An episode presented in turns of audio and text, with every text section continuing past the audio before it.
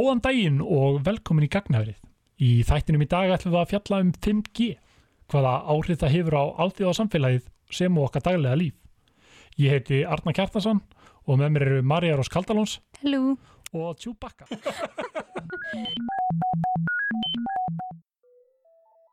Hvað er 5G?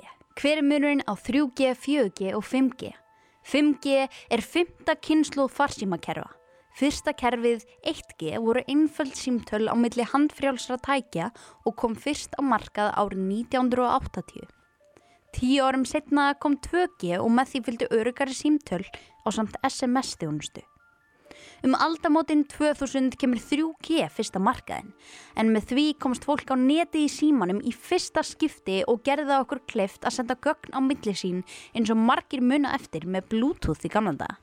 Að senda á milli sín vinstalustu poplög líðandi stundar, alltaf með ferskasta ringitónin, meira en bara Snake. Eins og þú hefur líklegast verið varfið, kæri hlustandi, það kom 4G út árið 2010. Með því umturnaðist nýðurhalsraðin en hraðin á 3G-kerfinu hafi verið að hámarki í kringu nokkur megabæt en var nú komin upp í 1 gigabæt. Þetta hefur meðal annars leitt til þess að streymistjónusta hefur aukist gífurlega í gegnum síma. Fymta kynnslóð farsímakerfa eða 5G felur það í sér að vera í raun tengdur netinu alltaf allstæðar.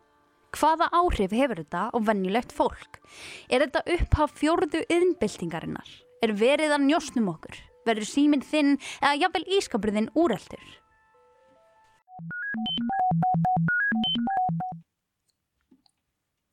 Til þess að svara þessum spurningum og fleirum er hingað til okkar komin Kjartan Brím, framkvæmtastjóri Teknisvis Votafón. Velkomin Kjartan. Já, takk fyrir. Kanski byrja á að koma eins inn á hvað í grófum dráttum 5G býður upp á.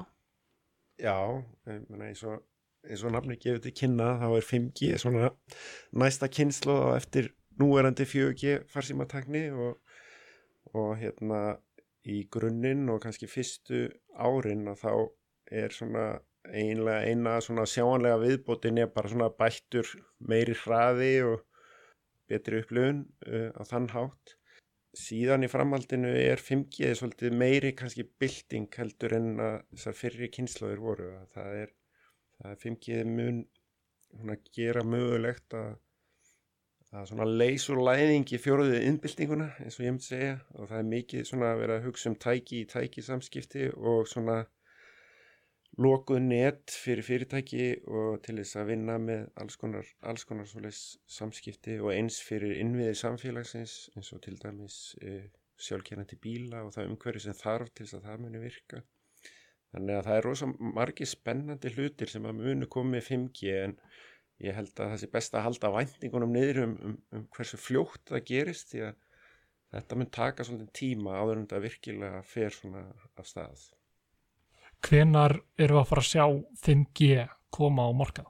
Það er mjög, örgl, það er mjög stutt í að, að, að 5G þjónusta hefist hérna á Íslandi. Uh, Post- og fjarskiptastofnun er, að klára að útluta fyrstu uh, tíðin í leifunum. Það er sérst fyrsta 5G tíðinin er bara að, að fara í útlutun til fjarskiptafélagana og þau muni í framaldi hefja þjónustu hún verður takmörkuð í byrjun en hún verður þann, samt þannig að það verður hægt að prófa hana og sjá hvernig hún kemur út og þá erum við fyrst og fremst að tala um að það verður hægt að ná meiri hraða. Að þú ert með, getur orðið út um góðan snjálfsíma sem stiður 5G að þá hérna, getur við upplifað það og, og síðan sé maður hugsanlega tækifæri því að bjóða 5G tengingar í stað ljósleðara tenginga eða, eða kopartenginga til heimila og, og bæta þjónustuna þannig verður þetta ódýra heldur en uh, ljóslegar og svolítið í dag? Eh, það er erfitt að segja. Ég myndi svona halda allavega til lengri tíma þá ætti þetta að vera hagkvamari leið til þess að bjóða svona heimatengingar heldur en ljóslegari sem að liggur alla leið inn í húsið tíðin. Þannig að já, ég myndi segja svona sem heimatenging það myndi allavega verða þróun í þá átt að verðið muni lækka Já, svona svo á línukjöldum og, og slíku. já, Þýðir þetta að vörurnar sem við eigum í dag, þú veist, eins og sjónvörpin okkar, símannir okkar, tölfur, jáfnvel ískapar og bílar verði úreldir þegar þetta er orðið svona innleitt inn í Íslands samfélag. já, ég held að sko það sem að er náttúrulega hægt að segja með það er að við erum komið með fjögi í dag en það er ennþá fullt af tækjum sem er verið að nota sem að styðja bara 2G GSM, þannig að þetta lifir alveg saman í svolítinn tíma og ég held að eins og 4G mun lifa með 5G nokkuð lengi. Ég held að við munum sjá svona næstu árum að 2G og 3G fer svona að minka og verður útleitt á næstu svona 5 árum myndi ég skjóta á. En 4G mun lifa áfram með, með 5G en í talsvert langan tíma þannig að þess, þú þurft ekki að ágjöra ískapnum þínum þannig að 4G ískapur Hvað þýðir það fyrir okkur að vera alltaf tengd netinu? Já, það sem að kannski er hávært að sjá í þessum spám með 5G er að, er að í dag eru, er þetta að segja að við séum með svona álíka margar tengingar virkar í, í farsímakerum eins og fólksfjöldin í heiminum en með 5G-inu þá er allar spára að segja að þetta muni markvaldast eh, þannig að það verði öll mögulega og ómögulega tæki verða nettengt og tengt við hvort annað. Þannig að það, það verður mögulegt að gera alls konar hluti sem hefur ekki verið mögulegt í dag fram til þessa. Og þetta er bara meina, þessi, þetta dæmi um sjálfkerrandi bíla er svolítið svona það er auðvelt að sjá það fyrir sér hvernig það geti orðið en það krefst rosalega mikill að innviða og, og hérna, er ekki að fara að gerast á næstu 2-3 árum það er alveg potið mm. Hvað áhrif hefur þetta þá á gagnasöfnun einstaklinga? Ég held að hún muni halda áfram að aukast rætt gagnasöfnunin og það var einhver sem sagði mér nýlega að það væri búið að búið til meira gögnum á síðustu tveimur árum heldur en hundrað ár þar á undan þannig að ég trúi því og ég held að þetta muni bara halda áfram vegna þess að búa til alltaf þessa möguleika á tengingum það býr til möguleikan á að búa til gögn og upplýsingar sem hægt er að nýta og þá þarf að geima þessar upplýsingar þannig að ég sé fyrir mér að bæði fólk og fyrirtæki og bara ríki og stopnarnir munu auka verulega við gagnasöfni sín á næstu árum. Þetta er, þetta er bara að fara að aukast hraðina á þessu. Þannig að verður auðvöldar að sapna gögnum um fólk. Ég held að tilgangur þessara persónuverda lögjafa og, og hérna er svolítið að koma í veg fyrir að, að hérna, það sé hægt að megi sapna gögnum sem að þú vilt ekki að séu söfnuð um þig. Þess vegna held ég að það muni svona að vinna á móti þessu, muni, muni búa til kannski eðlilega söpnun gagna. Þetta tilgangun með þessu hlýtur alltaf að vera að þróa hagkerfið, þróa líf fólks og reyna að búa til betri heim og, og hérna gagnasöfnun mun snúast um það. það sama hvað þú ert að gera, hvers konar þjónust þú ert að veita, þú ert alltaf að reyna að bætana og gera meira og búa til nýja möguleika og, og það er það sem að, að þetta snýst um. Í ljósi hraða 5G kemur svartíminn væntarlega til með að stittast tölvert. Hvað áhrif mun þetta hafa á til dæmis vinnumarkaðin?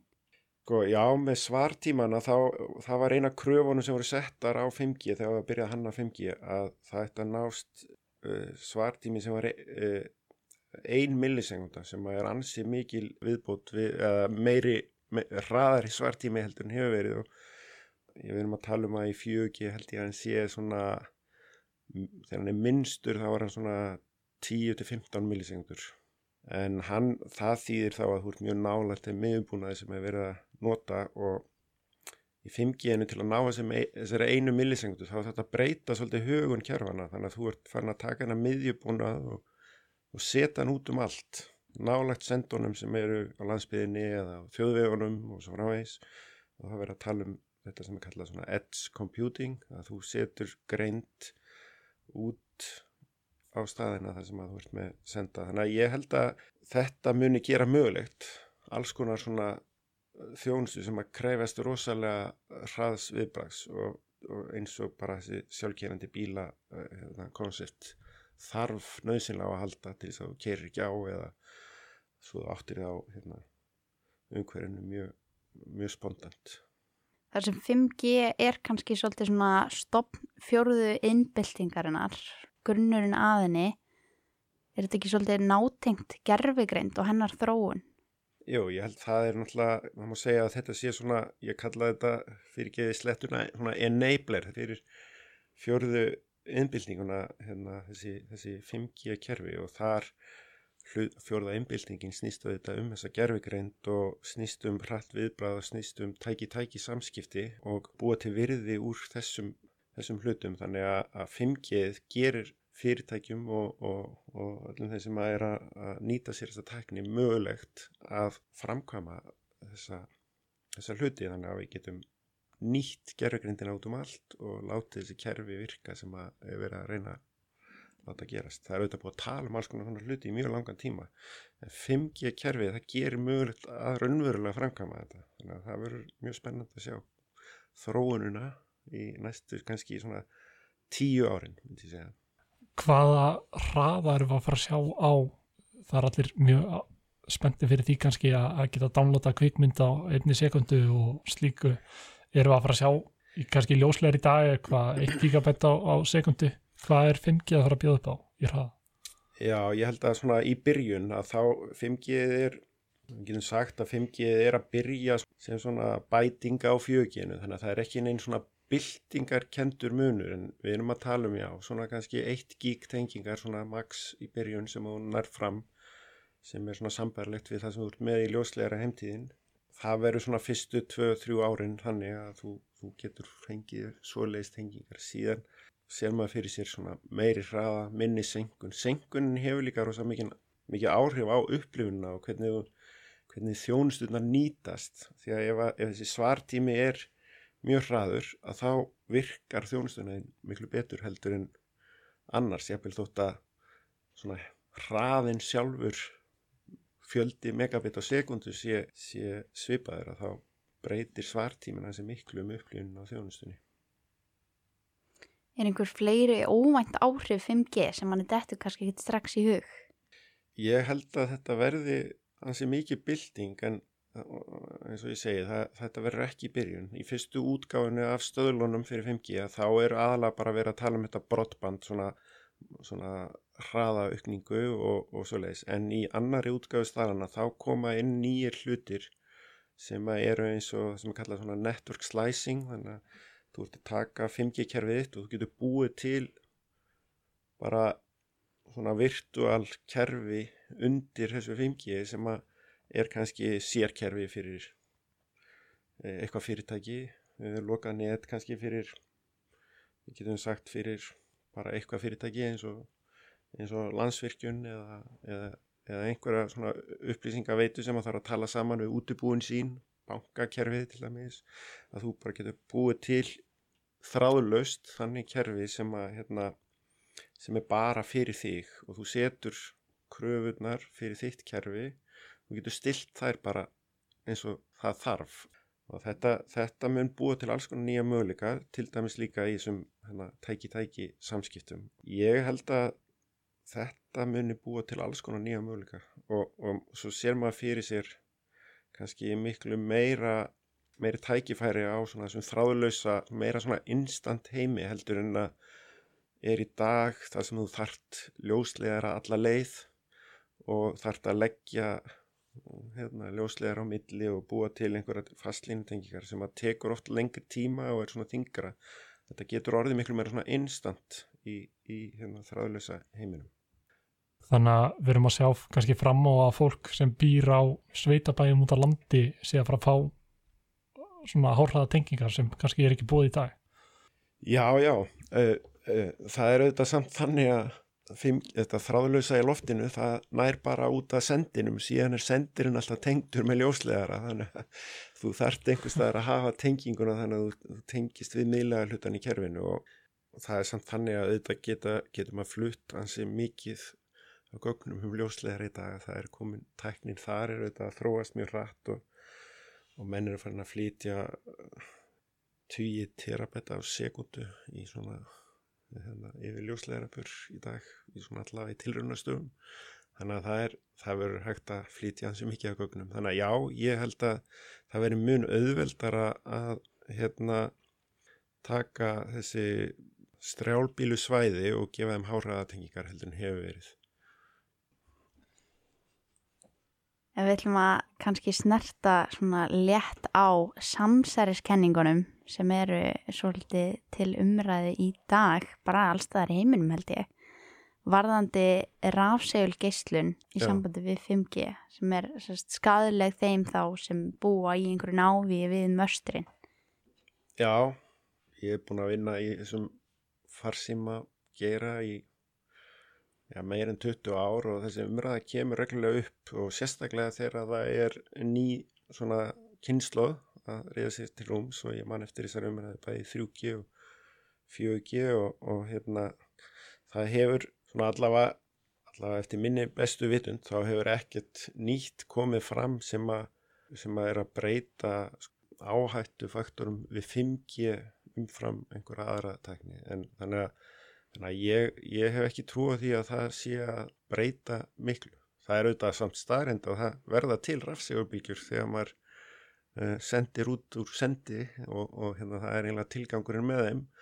En við auðvitað hjá Vodafone erum með sérstakka vinnuverda vottun og þar er til dæmis okkar radiostarfsmenn sem að vinna í möstrónum við að setja upp búnað og lagan og breytan og þeir eru allir með mæla til þess að, passa upp á að þeir sé ekki að vinna við aðstæður sem að er ekki góða fyrir heilsuna. Þannig að við, við, við pössum upp á það og það er yfirleitt ekki þannig að, að mösturinn séu með það mikið rafsegulstyrk að það sé hættulegt að vinni þeim en ef það er þá við, þá slökkum við bara á þjónustinu á meðan að vera að gera við Þannig að þetta er ekkit hættulegt fyrir íbúa Íslands að að 5G sé að komast á stofn.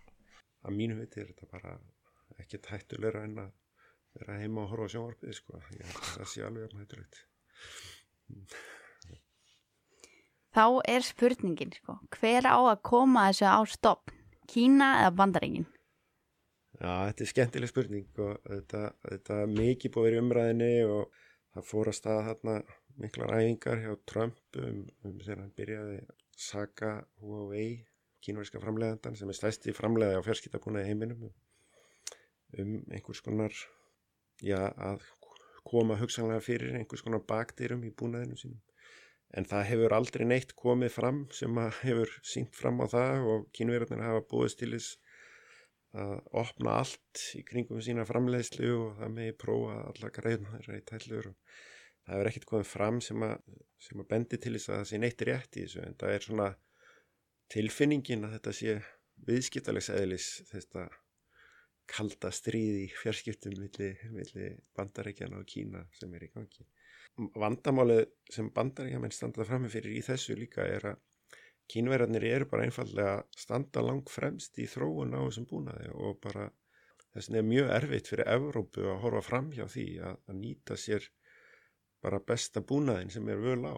Þannig að sumir í Evrópu hugsa, já, þú veist, ef við erum ekki að fara að nota búnað frá Kína að því að bandarækin segja það, þá mun Evrópa dragast aftur úr í bara hefni þjóðana til þess að veita góða þjónustu handa íbúinum sínum. Þannig að ég held þetta sé mjög svona pólitist allt. Ég held að besta leiðin út úr sér sé samtal og vinna saman og það sé svona settar öryggiskröfur á búnað og það sé hægt að prófa hann og, og hérna taka hann út og, og hérna það er, hefur verið svolítið umræðan í Európu um að, um að setja það af stað og, og sumi af þessum stærri löndum eru að gera svolítið. Þannig að hérna, ég held að það sé leiðin til þess að menn vinni saman. Auðvitað er eins og ég finnst mér heppilegast ef það eru margir stóri framleiðendur í þessu. Þannig að það er, það er hérna, það er kannski ekki alveg staða núna. Það er svona, mér finnst svona eins og Huawei eru svona fremstir og maður sér ekki alveg hver er að fara að ná þeim. Það er reyndar áhugavert að Samsung er byrjað í þessum 5G bransa sem sagt í kerfis hlutanum og virðast alltaf að setja svolítið effort í það. Það verður áhugavert að sjá hvort að þeir geti svona veitt kynverðunum samkeppni og, og þetta er Ericsson líka í Svíþjóð að, að þróa sinn 5G búnað. Þannig að maður vonar að það veri svona fjölbreytni í vali og búnaði. Það eigur undir samkeppni og það eigur undir það að búnaðurinn svona þróist og komið nýjar og góðar hugmyndir sem að bæta kerfin. Megu við búast við því þá að finna fyrir áhrifum 5G hérlendis bara á næstu 2-3 árum?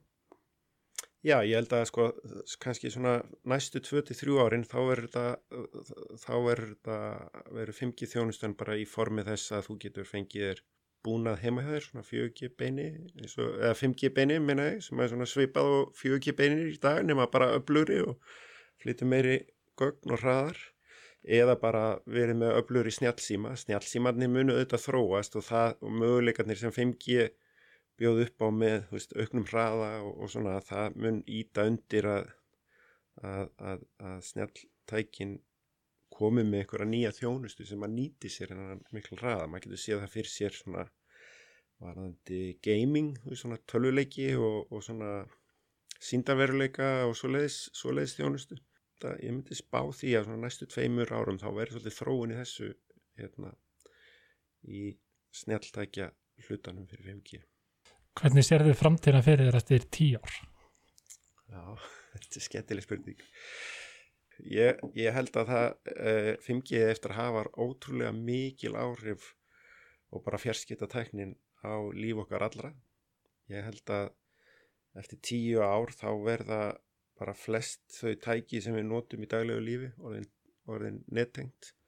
Við verum með alls konar upplýsingar og getum stjórnað öllu mögulegu í kringum þessi, þessi tæki bara í gegnum snjálfsíman okkar eða tölvuna uh, ég held að fyrirtækin verði orðin mun ná fram mikilvæg hagraðingu sinni hérna, framleiðslu og þróun og, og þjónustu og bara það verði það verði hægt að hérna, bara bæta líf jarðabúa talsveit mikið. Og það verður bara spennand að og ég held við sjá, munum sjá svona Eftir svona tíu ár, já, þá myndi ég segja að við förum að sjá þess að sjálfkjærandi bíla verða veruleika og hérna alls konar þjónustu sem að afhendinga þjónustu og svo leiðis sem að bara kemur til maður, til dæmis í gegnum dróna eða svo leiðis og veist það er auðvitað að byrja að prófa svona þjónustu en þetta verður kannski orðið meira almennt eftir tíu ár og ég held að hlutinni munið þróast með meiri hraða. Eftir svona 5-6-7 ár þá fara hlutinir að þróast með meiri hraða heldur en við þekkt áður. Líka út af bara gerfigrindinni og hún mun hjálpa okkur að þróa hlutina hraðar. Þannig að ég sé fram á breyta og mjög spennandi tíma eftir 10 ár Þar hafið það, gæri lustundur uh, opniði nýjan sparnaðareining byrja að leggja til liðar fyrir nýjum símum, jáfnvel sjárkýrandi bílum kannski eitthvað svona áhugstunarreikningur það sem þetta er ekkert að fara að gerast fyrir nættu 10 ár. En við byrjum á símunum. Takk alveg fyrir komuna Kjartan. Já, kæra þakki fyrir mig, takk Helsta baráttumál um 5G er óneitanlega kaplöp Kína og bandaríkina um hver verður fyrstur að koma upp slíkum kerfum og hver geti verið fyrstur á markað. Kínverða virðast vera að taka fram úr bandaríkunum og hefur dómsmálar á þeirra bandaríkina sagt að ástandi geti verið óg við þjóðaröryggi landsins. Bæði vegna fjáraslegs ávinning sem hlýsta þessari tækni og vegna njóstnabúnaðar sem kýmverar getur komið fyrir í slikum kerfum. Huawei er líkil stöðu hvað varðar hönnum þessara kerfa. Fjölmela aðdeklin hefur því verið mikil á fyrirtækinu og ekki minkað hún eftir að ásakandi Trump og annar ráðamanna í bandaríkunum.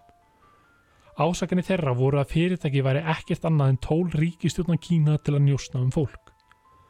Því væri mikilvægt að koma í vekk fyrir að fyrirtæki væri leiðandi í 5G væðingunni. Þetta var meðal annars eitt af umræðupunktunum á fundi Mike Pence, varafórsta bandaríkjana og Guðlustórs utarriksráðura Íslands á fundi þeirra síðast á haust.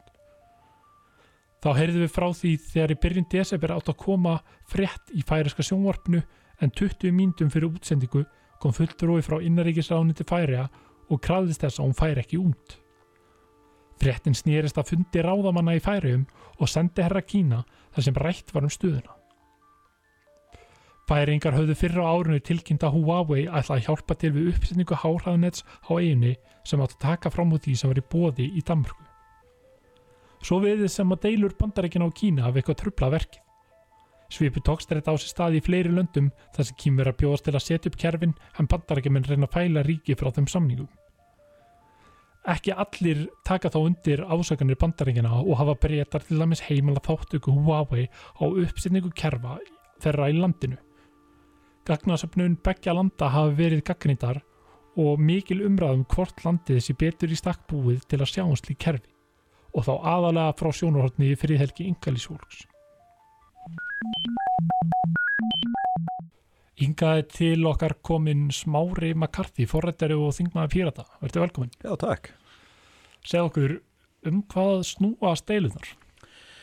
Þetta er eh, svona angi af ákveðinu svona viðskiptastríði og yðnaðar uh, stríði milli bandríkjana Kína sem að uh, kemur til mikið til af, af breytingum á þjóðflæginu í bandríkjunum sem gróf undan yðnaðar getur bandríkjana samhliða mjög miklu uppgangi í Kína og það sem er svona smám saman að, renna upp fyrir bandri, bandrískum stjórnvöldum er að þau hafa ekki lengur yfirburði til þess að stjórna því hvernig samskiptum heimsins er háttað.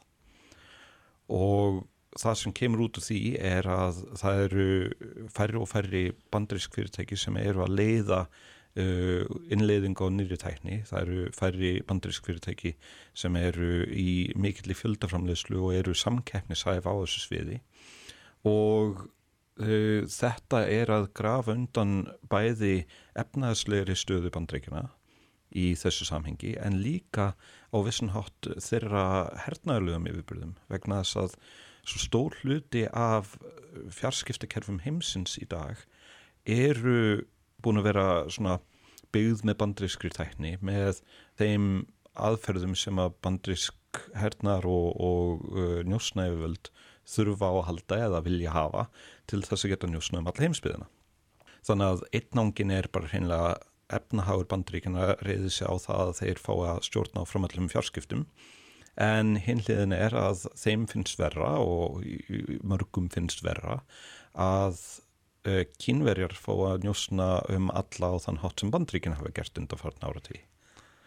Þannig að við erum að horfa fram á svona kallt stríð milli bandarækina og Kína í fjarskiptum. Já, þetta er svona, um, stundu kalla þetta svona Industrial Economic Shadow War. Þetta er svona, þetta, þetta snýst um yðnað og framlegslugetu og efnaðslega yfirbyrði og þetta er náttúrulega ekki árásastríð, það er yngir herir eiga sem koma fram, þannig að þetta er kallt stríð heimskilningi. En þetta snýst fyrst og fremst um hver er framleiðandin að öllu í heiminum. Og, og á, á vissun hátt þá sko má horfa á þetta sem eðla afleðingu af ákveðinu svona breytingum sem fór að staða á Vestlöndum uh, kringum já, 1980 til 90 þar sem að fólk fór að, að financialisera alla hluti, að reyna að braskvaða allt, að reyna að búa til einhverja fjármálagerninga kringum allt og veita minni aðtikli að því bara hvort við getum framleitt hluti.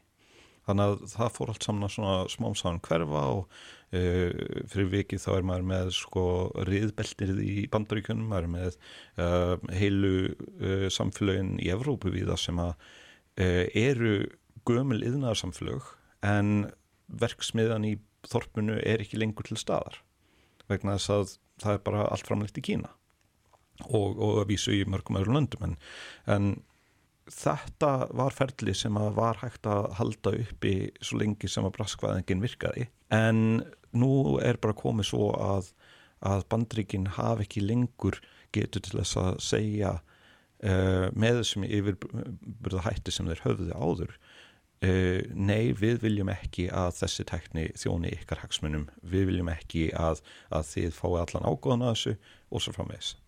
Og hlut af því er, Kína er bara orðið miklu völdur á land, hefur starri hægkerfi, er með vaksandi millistjett og, og svo framvegs. En hlut af því er líka bara að bandríkin fóru að, að dragur og, og sökva.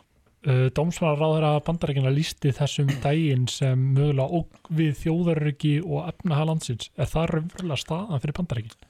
Ég myndi halda það. Uh, ekki endilega í þeim skilningi að Kína sé einhvern veginn að, að ráðast á uh, bandaríkin eða eitthvað þannig. Heldur meira að, segjum þetta bara svona, það eru ákveðið marg margar uh, farsímaturnar sem eru nöðsynleir til þess að allur heimurinn sé dekkaður. Og spurningin verður frá hvað framleiðanda munu þessir farsímastöður að vera ke keftir um, ef að yfirgnæfandi meirulhutið þar er keiftir frá kynverskum fyrirtækjum í staðan fyrir bandarískum fyrirtækjum þá þýðir það að það er bara neikvað áhrif á efnahag bandaríkina það er bara nokkuð ljóst. Þjóðurörgislega séð þá er svona það hefur lengi verið talað um það að þegar að þú ert með framleiðendur í, í þínu landi sem eru að búa til einhvers konar tæki þá kemur gjarnan einhver jakkaklættur maður frá, frá ríkinu og segir, heyrðu, hérna, það væri afskaplega fínt ef að þið myndu bjóð upp á þennan möguleika til þess að við getum potað í kerfið ykkar og það byrja að, að, að spýta út úr sér uh, upptökum eða, eða rundtíma gagnum um uh, hverju eru svona bakluki. Já, ba bakdýr og um, svona bakdýr hafa verið svona sett inn í þessi farsímakerfi og, og símkerfi almennt í áratví uh, upprunalega beðinni bandræskriði völda vegna þess að þau vildi geta fylgst með uh, skipilegum glæpahópum og, og hriðaverkamönnum og svo framvegs en líka svona stundum aðeins einhverjum fleiri. Og ég átti einu svona samtal við Stuart Baker sem var lengi Uh, yfirlögfræðingur hjá NSA og uh, er þess á milli þegar hann er ekki að vinna fyrir kvítahúsi er, er svona lögfræðingur sem er með afleita skoðanir.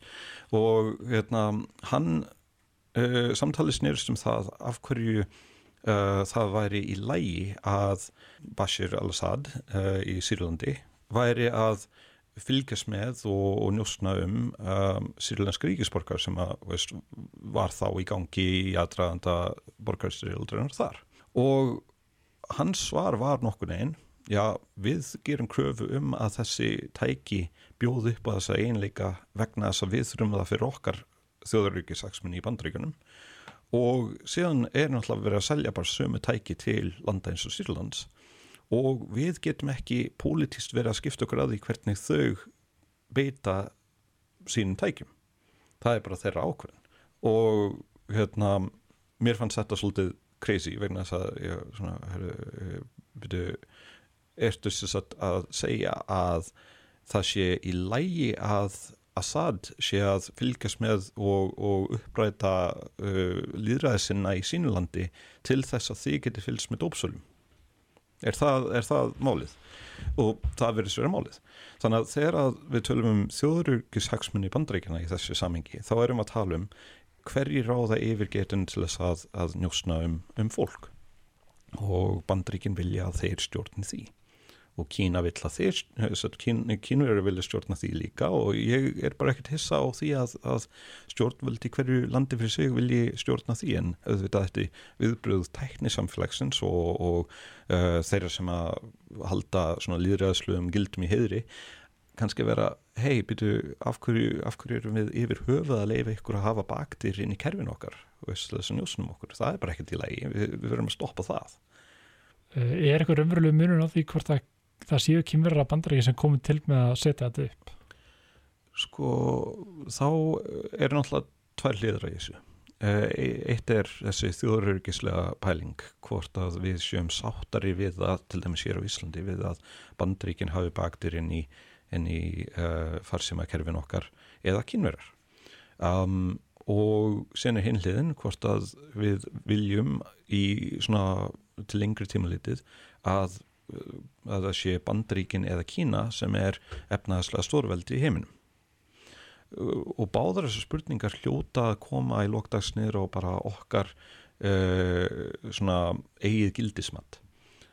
Ég held að Íslingar almennt séu líðræðsinnar vilji frjálstofi samfélag vilji til dæmis uh, ekki takmarkunar á tjáningarfrelsi, vilja ekki eh, takmarkunar á personurfríðhelgi sinni og vilja almennt bara geta verið frjálsir í, í einhverjum skilningi sem að fólk leggur í það orð. Er ekki þá munur að fyrirtæki bandarækjum sem, sem starfa innan líðræðisríkis að menn í Kína er aðeins önnu staða? Já, algjörlega og uh, ég held að sko ef ég mætti velja þá myndi ég sennilega velja bandarísku leiðina en á hinbóin þá hafa bandríkin verið að, að e, ganga mjög langt í burtu frá þessum líðræðishefðum en það fari nár og, og það e, svona e, það er alltaf að verða meira totalitarian gerraðislegt á, á ótal vegu það hefur verið að fangilsa fólk án dóms og laga, það hefur verið að halda fólk uh, mjög lengi í uh, svo gott sem þræla haldi svona, tenk, veist hvernig vinnan er hjá, hjá fungum og annað og svo ekki sé talað um bara núverend ríkistjórn þar sem hefur afskapla vonda neyður. Á sama tíma þá hefur Kína markvist verið að opna sig upp ég veit ekki hvort að það ferli muni endilega vera sko kína í hag gagnvart mínum persónulegu gildum til lengri tíma þá eftir að koma í ljós. En ég held að svarið sem að við hérna á Íslandi og kannski almennt í Evrópa ættum vera að spyrja okkur er e, er ekki komið tími til að það sé eitthvað annað einhver þriðji valkosturinn ekki bara uh, Bandríkin og Kína sko, nú hefur lengi verið talað um í, í svona allþjóðarsamskiptum þessi, þetta konseptum uh, uh, sko, svona polar shift að, að, að efnaðsli púl heimsins færis frá bandríkunum til Kína hvort það muni gerast og hvenur og með hvað afleðingum en svo tala sem er um uh, möguleikan á fjölpóla kerfi sem við höfum ekki séð mjög lengi.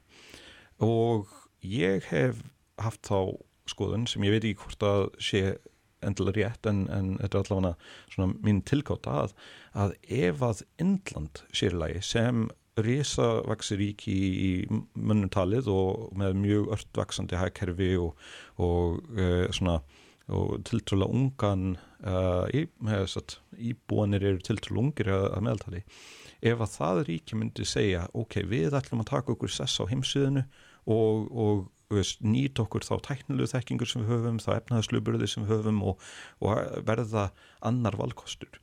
Þá myndi leiða af því að til dæmis Brasilia og Suður Amerika kannski viðar skilningi að Evrópa, að jafnvel Úsland og, og fleiri og fleiri svæði gætu vaksið upp í að verða pólar á sinn hátt. Og af hverju skiptir þetta máli? Jú, vegna þess að Ísland hefur aldrei haft almennilegan yðnað. Við, við byrjuðum svona smá í innréttingunum á sínum tíma svona pæli í einhverjum handverksiðinaði svo allt henni vorum við komin í álver.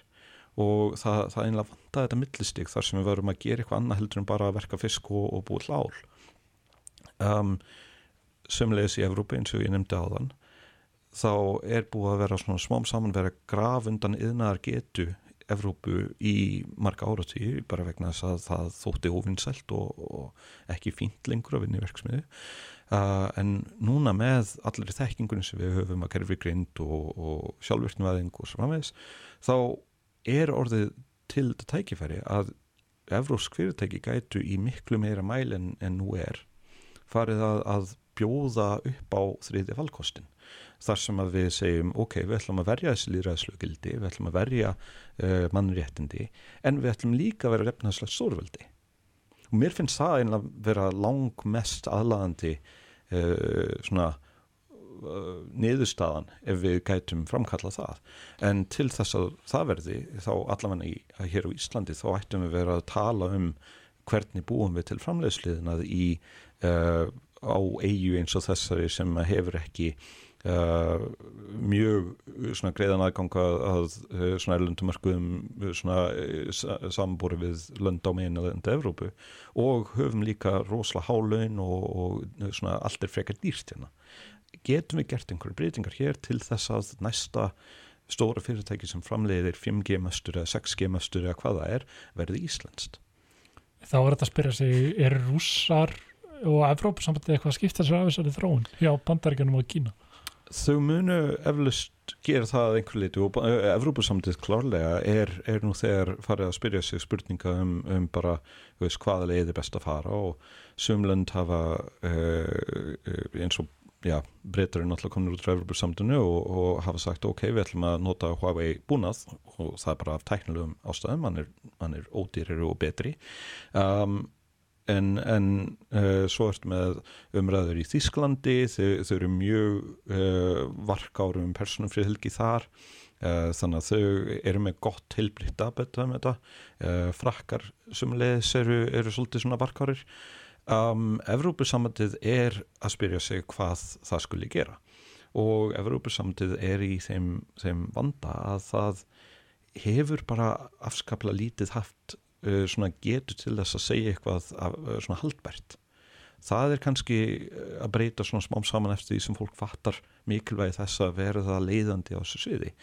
En svona í millitíðinni þá, þá eh, er það takmarkað. Og Rúsland eh, bara eins og staðan er í dag Rúsland er kannski meira að elda alla hína í hlutum eins og innliðing á, á nýri fjárskiptutækni en uh, þeir hafa mjög takmarkaða burði til þess að vera kepp á þessu markaði í dag.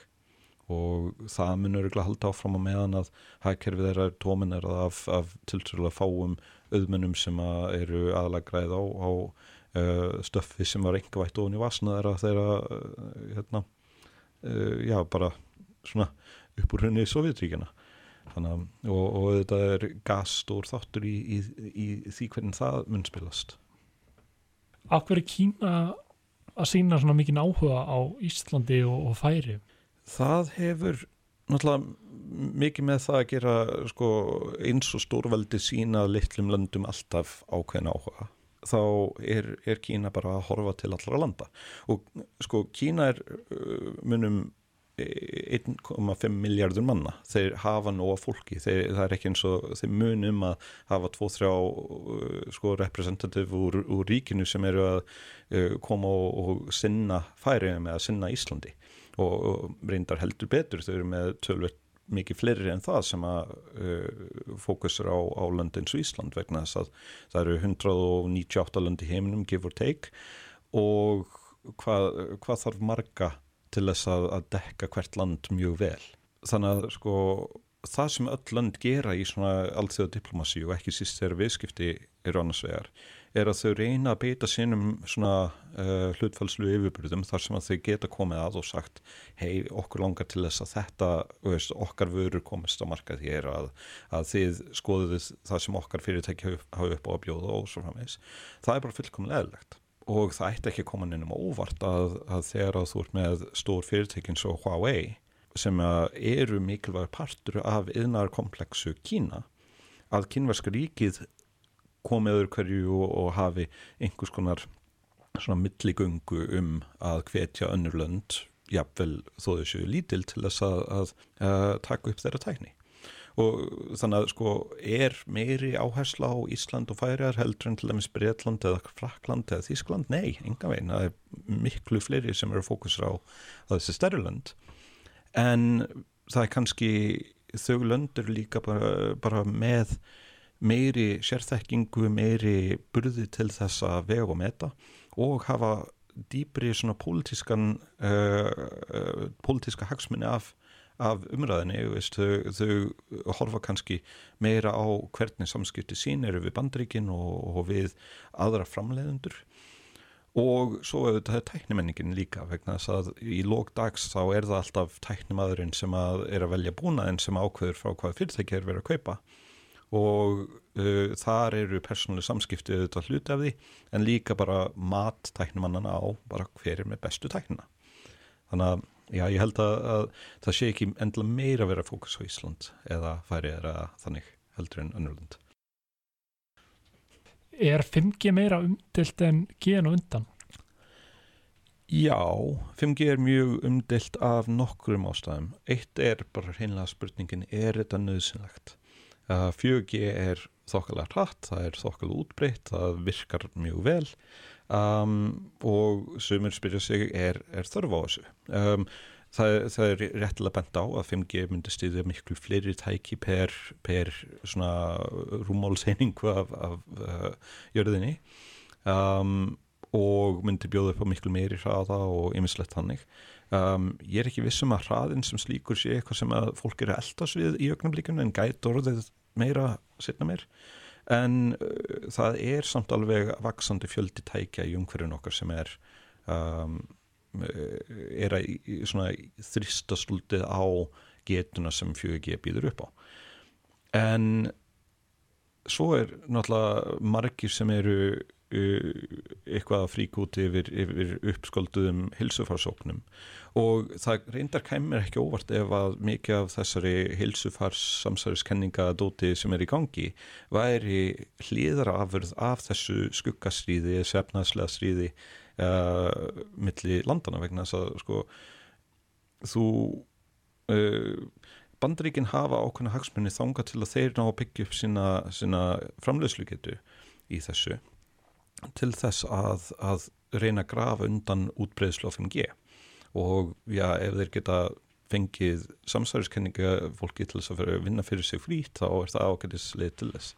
Að vísu er þetta samsæriskenning frá mér um að þeir séu í samsæri um að fá samsæriskenninga fólki til þess að vinna fyrir sig. En ég meina, þetta er allavega food for thought.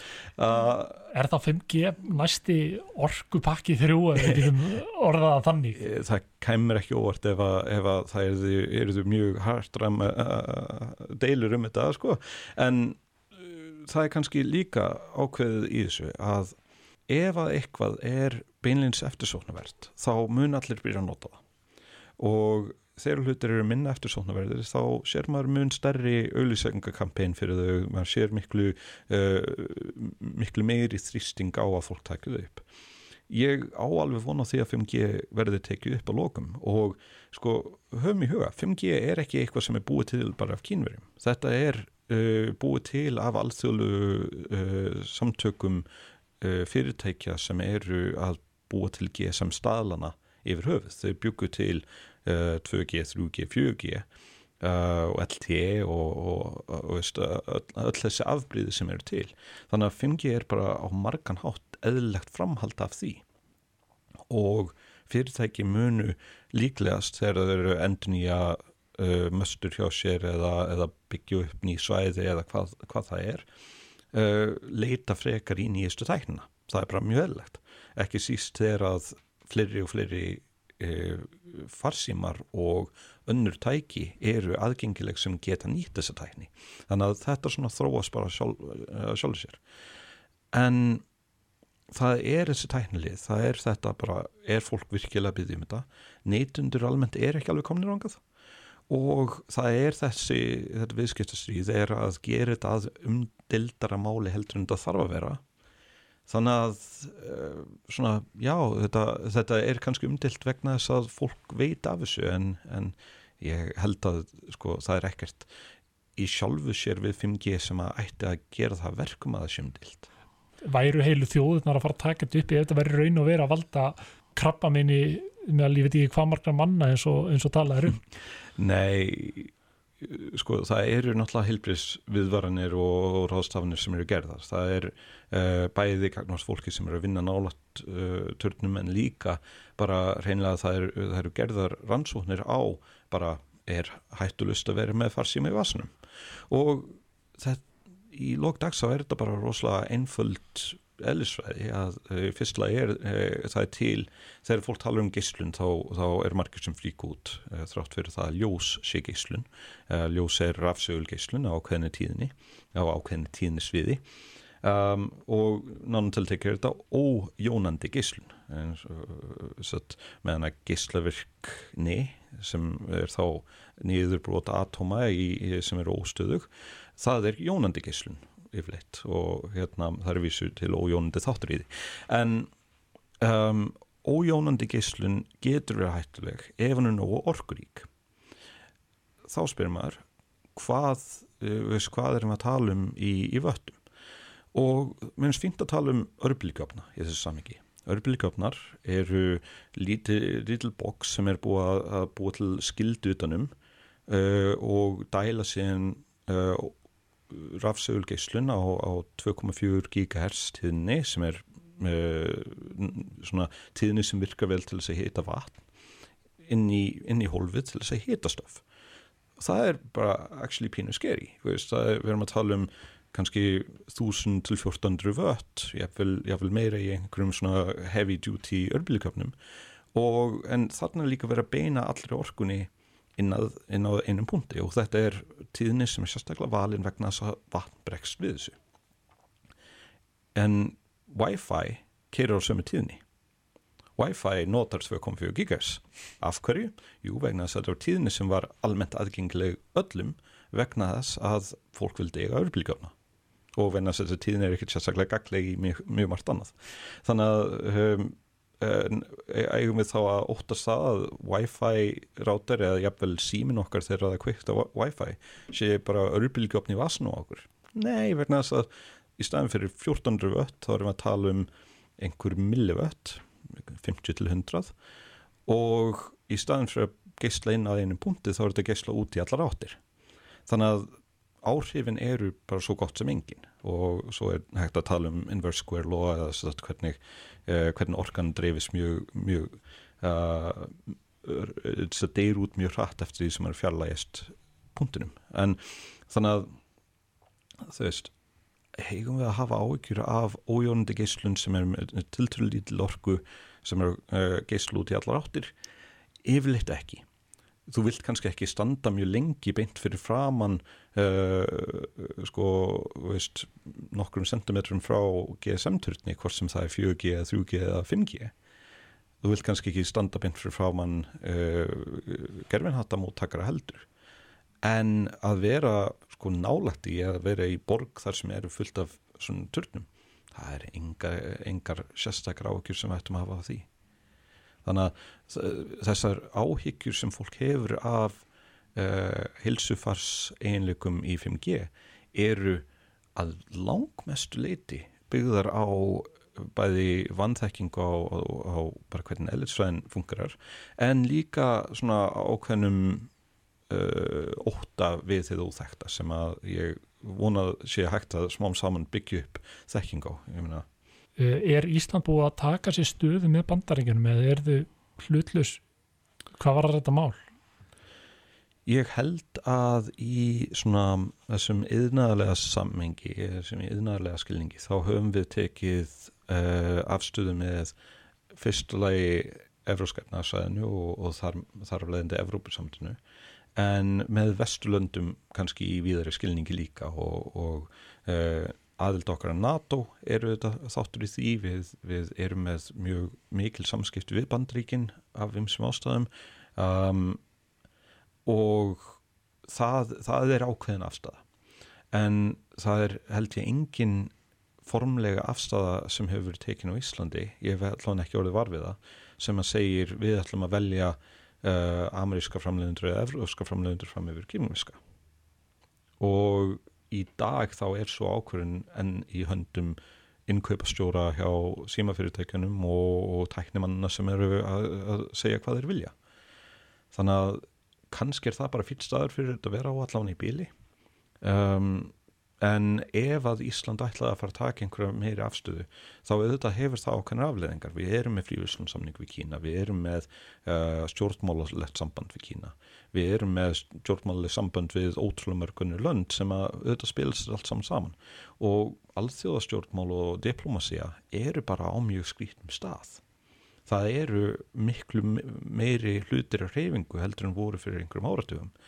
Og ég held að, að fyrir landi eins og Ísland þá er ágætt að við sjöum kannski sko svolítið að passa upp á geta okkar til þess að vera hlutlaus og þá er ég ekki að segja hei, drýjum okkur út úr EES þess að það er þefna þesslega sjálfsmórð uh, ég er heldur ekki að segja að við ættum minga samskipta okkur við NATO þó svo að kannski er það fín hugmynd. Ég, ég, ég ætla ekki að taka afstöðu til þess í augnablikinu. En ég er að segja, ok kannski reynum við að, að vera hlutlaus allavega í þessu viðskiptastriði og notum það hlutleysi til þess að minna löndin í kringum okkur, hvort sem það eru vinnur okkar og, og gamlir viðskiptsvilar og, og svoleiðis, eða einhvers konar hugarfarsleir anstæðingar uh, hverju nafni sem þeir nefnast. Til þess að minna á líðræðskiptimáli mannréttindi skiptamáli frjálsviðskipti sem eru óheft skiptamáli og það skipt líka máli að vera ekki að njúsna um, um lítil hlutlaus lönd í norðri og, og bæðu við líka alla aðra í, á jörðinni. Menn að það, veist, það hefur bara ekkert verið að enda mjög vel. Afskaplega mikilvæga punktur. Og með því vil ég bara þakka þið fyrir komuna og þakka þið kjalla fyrir spjall Já, takk fyrir mig. Við höfum farið yfir víðan völl 5G tækninar í þættinum í dag. Hvað 5G kemur til með að færa okkur, hvenar má búast við komið þess og í hverju deilur bandaríkjamanna og Kína felast. Það er ljóst að við erum enn á byrjunastegum og margt kemur til með að breytast á næstu tíu árum. Í millitíðinni hvetjum við ykkur til að fylgjast með og spara fyrir sjálfkerrandi bíl. Við þökkum viðmælendum innilega fyrir komuna og ykkur fyrir að hlusta. Í næsta þætti munum við kynna okkur sjálfkerrandi bíla. Þanga til næst við höfum verið gagnaverið. Thank you.